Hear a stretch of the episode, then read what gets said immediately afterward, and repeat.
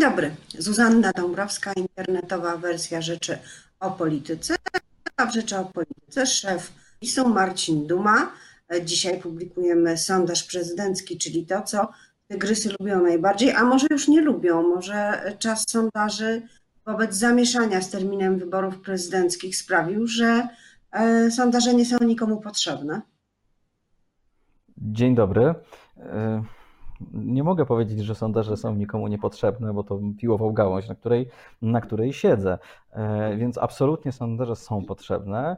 E, sondaże wciąż nam pokazują, e, co się dzieje w głowach Polaków. No, natomiast oczywiście ze względu na szczególną sytuację należy do nich podchodzić krytycznie. Co to znaczy krytycznie? Jeżeli badamy a tutaj mówimy o preferencjach w wyborach prezydenckich, no to żeby sobie to właściwie oszacować, powinniśmy wiedzieć w jakim trybie, w jaki sposób, jakim sposobem głosowania zostaną obsłużone y, wybory prezydenckie, bo co innego. Co innego wybory, co innego wybory korespondencyjne, co innego wybory tradycyjne. To znaczy, każda z tych metod będzie miała swoje konsekwencje dla mobilizacji albo demobilizacji określonej części elektoratu. No dobrze, to w takim razie krytycznie spójrzmy na wyniki tego rankingu, który, który dzisiaj Rzeczpospolita e, publikuje. Prowadzi oczywiście, jak od e, długiego już czasu, czy to za czasów pandemii, czy nie, Andrzej Duda ma 45%. Jaki to jest wynik? Dobry, zły dla niego? Andrzej Duda potrzebuje mm, znacznie większego poparcia żeby móc zwyciężyć w pierwszej turze. E, czy musi zwyciężyć w pierwszej turze, czy nie, nie może poczekać do drugiej? No bezpieczniej dla kandydata Prawa i Sprawiedliwości, czy dla obecnie urzędującego prezydenta byłoby, gdyby rozstrzygnął te wybory w pierwszej turze. Druga tura w przypadku tego konkretnego sondażu, która by się odbyła albo z Szymonem Hołownią, albo z y, Władysławem Kosiniakiem-Kamyszem, którzy mają bardzo podobne y, notowania, no wystawiałaby go na pewne, na pewne ryzyko. Y, dlaczego na pewne ryzyko? Ano dlatego, że zarówno Szymon Hołownia, jak i Władysław Kosiniak-Kamysz mają możliwość zgromadzenia wokół siebie bardzo szerokiego elektoratu. Szymon Hołownia y, angażuje już teraz y, wyborców Koalicji Obywatelskiej, wyborców lewicy, y, niezagospodarowany elektorat liberalny, czyli bardzo szeroko, jeśli chodzi o, o, o grupy wyborców opozycyjnych. Z kolei Władysław Kosiniak-Kamysz ma trochę bardziej konserwatywny elektorat, niemniej jednak jest strawny także dla elektoratu lewicowego i liberalnego. No dobrze, ale czy to znaczy, że y, tych dwóch kandydatów wzajemnie także siebie, na siebie poluje? No bo jeden ma ponad 19, drugi ma ponad 16%. Y, to rzeczywiście są zbliżone wyniki. E, czy Andrzej Duda może mówić o szczęściu, że ma dwóch takich w miarę wyrównanych konkurentów, którzy jednak no, dystans od niego mają też bardzo znaczny? No, oczywiście, że ten dystans jest istotny, tak, z punktu widzenia takiego percepcyjnego. No, tu mamy 45, a tu mamy, no nie wiem, czy 19, czy, czy, czy 17, tak, w zależności od tego, o którym kandydacie yy, mówimy. Natomiast istotne jest to, jaki odsetek wyborców będzie w stanie ten kandydat opozycyjny w drugiej turze yy, wokół siebie yy, zorganizować. I wtedy nagle okaże się, że z tych tam 19 czy, czy 17 spokojnie może się zrobić 50. Wystarczy pozbierać, wystarczy pozbierać to, co e, zostało po konkurencie, czyli Hołownia ma szansę spokojnie przejąć e, w drugiej turze e, elektorat Kosiniaka i w drugą stronę. Władysław Kosiniak-Kamysz ma szansę przejąć wyborców yy, Hołowni. To, co zostało z Roberta Biedronia i to, co zostało z Małgorzaty Kidawy-Błońskiej. Yy, Więc yy, na miejscu Andrzeja Dudy ja bym się tak specjalnie nie cieszył w związku z tym, jaka jest różnica w tych notowaniach i skupił się na tym, jakie są jego notowania, jaka jest jego szansa na poszerzenie tego elektoratu, tak żeby o ten jeden głos więcej e, od, od konkurenta w drugiej turze e, otrzymać, bo w zasadzie już w tej chwili wiemy jedną rzecz. Jaka jest ta szansa? Bo przecież były sondaże, które pokazywały, że zwycięża e, już w pierwszej turze.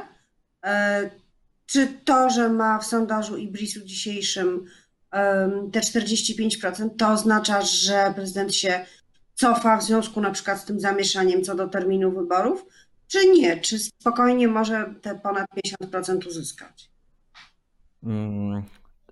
Cały problem nie polega na tym, czy prezydent zyskuje, czy, czy traci. To znaczy, on relatywnie zyskuje albo relatywnie traci, natomiast y, liczba jego wyborców pozostaje względnie y, ta sama. Pytanie jest tylko o to, jak bardzo zmobilizuje się albo zdemobilizuje się elektorat opozycyjny do udziału w, w wyborach. To w, w jakiś sposób zależy od formuły głosowania. W wyborach korespondencyjnych y, wyborcy opozycyjni są mniej chętni do tego, żeby wziąć y, udział w takim głosowaniu. Natomiast w głosowaniu tradycyjnym dużo bardziej, y, dużo, zobaczymy ich znacznie więcej przy, przy urnach. Co to oznacza? To oznacza mniej więcej tyle, że mm, forma korespondencyjna będzie faworyzować Andrzeja Dudę, chociaż nie przesądza się o jego zwycięstwie.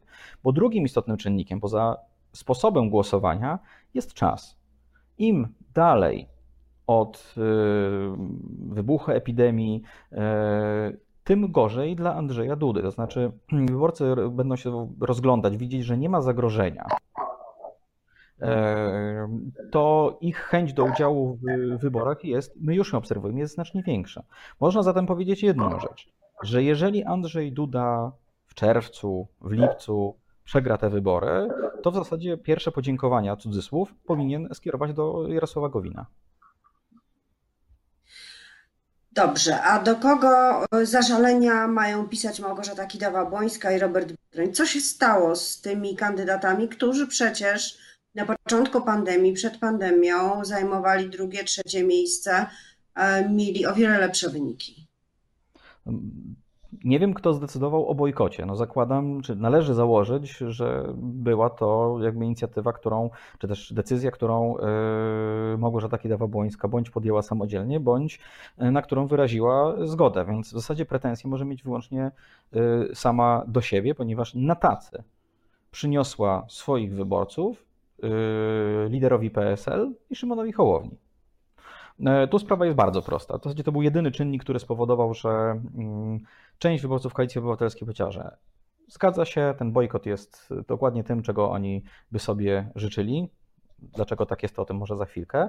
E, natomiast ci, którzy chcieli pozostać aktywni na rynku wyborczym, stwierdzili, OK, nasz kandydat rezygnuje, no to rozejrzyjmy się za innymi, e, za innymi kandydatami, którzy w jakiś sposób nam odpowiadają. I w ten sposób pojawiły się wzrosty poparcia dla Władysława Kośniaka-Kamysza i Szymona Hołowni. Natomiast jeżeli mówimy o Robercie Biedroniu i o tym, co się stało z jego poparciem. Przecież no, on cieszył się całkiem dobrymi notowaniami, tak? w okolicach nawet 10%, 10, 10%, a dzisiaj mamy te notowania na poziomie no, 3%, tak? tak zaokrąglając korzystnie dla kandydata. E, co się stało? No, mam wrażenie, że jak patrzę w te liczby, to widzę, że e, kobiety, wyborcy, kobiety o takiej formacji y, lewicowo-liberalnej opuściły Roberta Biedronia i przeszły mm, do obozu Szymona y, Hołowni. On jest głównym powodem, dla którego y, Robert Biedroń ma takie niskie notowania. Tak? To on zabrał tych, tych bardzo konkretnych wyborców. Czy jego wizerunek nie pasuje do czasów pandemii? Czy wizerunek Roberta Biedronia nie nadaje się do takich czasów, czy powód jest inny? Bo wiemy, że bardzo aktywny na gruncie tych różnego rodzaju inicjatyw związanych z pandemią jest właśnie Kołownia. E, ma czytelne komunikaty w tej sprawie i stara się punktować władzę. A co z Biedroniem? To znaczy, jeżeli mówimy o Szymonie Hołowni, to tutaj warto podkreślić jedną rzecz. To nie chodzi o o racjonalną, y, racjonalną część wizerunku Szymona y, Hołowni, chodzi o emocje.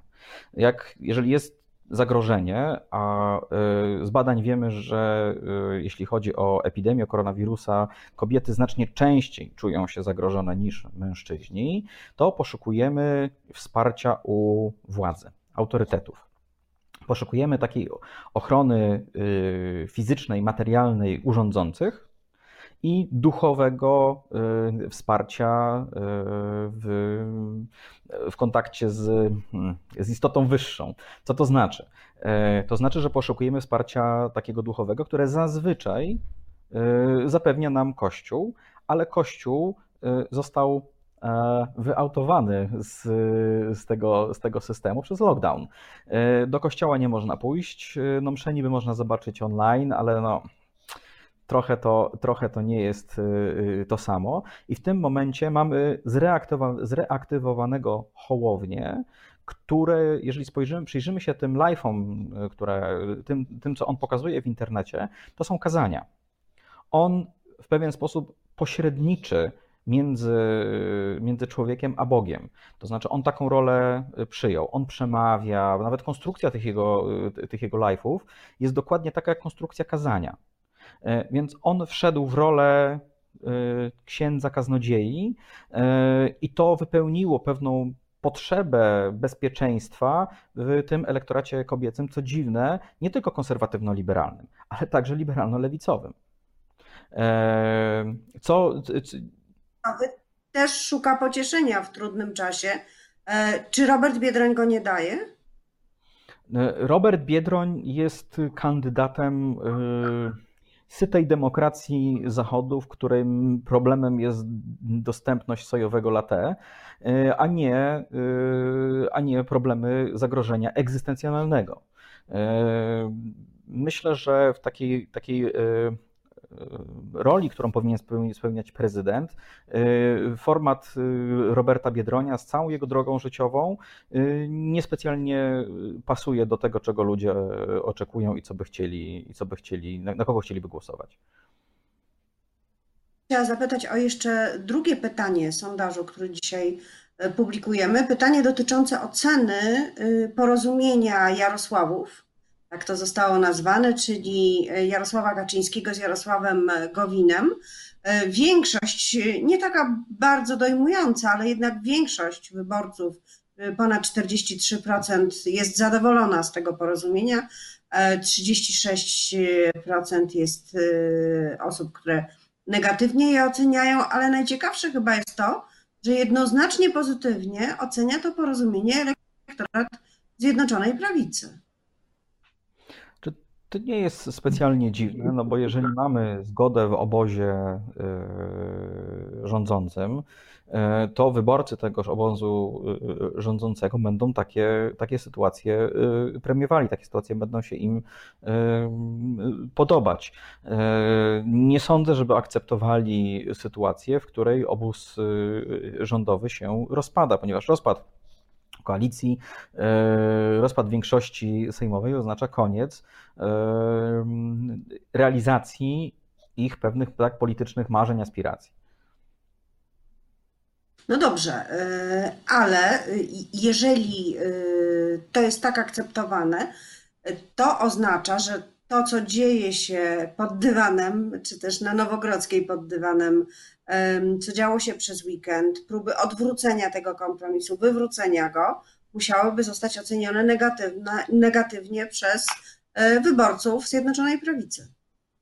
E, I tak i nie, bo musimy sobie zdawać sprawę z tego, że próby wywrócenia tego porozumienia e, są, są racjonalne. To znaczy, z punktu widzenia PiSu, opóźnianie tych wyborów jest zmierzaniem do porażki. To znaczy, im później odbędą się te wybory, tym mniejsze szanse ma Andrzej Duda na reelekcję. Czyli. Yy... Tak? Dlaczego? Dlaczego, Dlaczego? ma mniejsze szanse? Tak. Dlatego, że z każdym dniem na rynek wyborczy powraca coraz więcej wyborców y, opozycji. E, dołączają do Władysława Kosiniaka-Kamysza, do y, Szymona Hołowni, tworząc y, taką masę krytyczną, która w drugiej turze może przeważyć szale na, na, na korzyść kandydata opozycyjnego. I z każdym dniem szansa na taki scenariusz jest coraz większa. W związku z czym PiS stoi przed trudnym wyborem.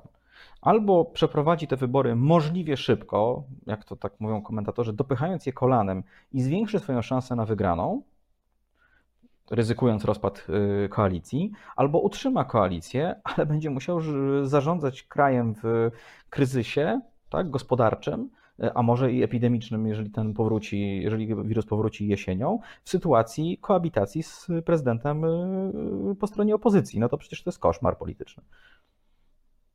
To prawda, to jest dla, szczególnie dla Prawa i Sprawiedliwości koszmar. Ostatnie pytanie.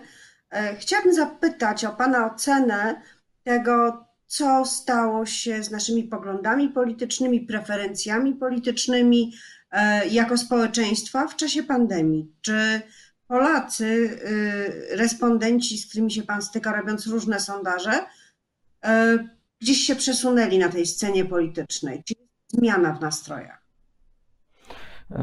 No, mam wrażenie, że epidemia cofnęła nas trochę y, w czasie. Znaczy, to nie jest wniosek tylko, który dotyczy, y, dotyczy Polski. E, otóż y, dotychczas syta północ, Europa, Stany Zjednoczone nie miały do czynienia z takim realnym zagrożeniem dla życia swoich obywateli. Czyli inaczej, obywatele nie mieli takiego, e, takiego, takiego kontaktu z takim, z takim zagrożeniem. To mm, może nie unieważniło, ale na pewno cofnęło nas, e, nie unieważniło tych 100 lat liberal, rozwoju liberalnych e, idei i to rozwoju ich w praktyce, transmisji ich na szerokie, na szerokie masy społeczne. Jaki jest efekt tego? Znaczy, jeżeli spojrzymy sobie na preferencje wyborcze Polaków, to widzimy, że one skutecznie, systematycznie przesuwają się w prawą stronę.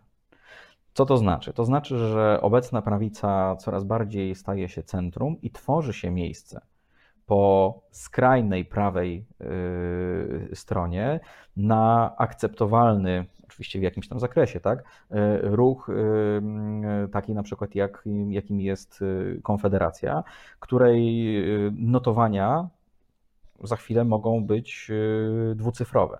Co więcej, bardzo podobne y, ruchy w zakresie świadomości y, społecznej, w zakresie preferencji politycznych obserwujemy wszędzie w Europie. Skrajnie prawicowe partie zyskują. Czy, co to oznacza dla z kolei drugiego bieguna? To oznacza, że kurczy, będzie kurczyło się miejsce dla partii takich jak socjaldemokratycznych, one będą miały znacznie mniejszą przestrzeń albo będą musiały zejść mocniej do centrum, co będzie jakimś powodem do kryzysu tak, tożsamościowego tych, tych organizacji, albo będą tracić wyborców. No więc y, myślę, że możemy to potraktować jako pewną projekcję tego, jak się będzie scena polityczna y, rozwijać. I pierwszy raz od długiego czasu głównym faktorem y, tak wpływającym na ten, na ten rozwój jest coś, co od nas zależy w, w małym stopniu, czyli to, co będzie działo się z pandemią. Pewnie temat do wielu dysertacji politycznych. A ja bardzo dziękuję dzisiaj e, za rozmowę. Moim gościem był Marcin Duma, szef Iblisu. Dziękuję bardzo.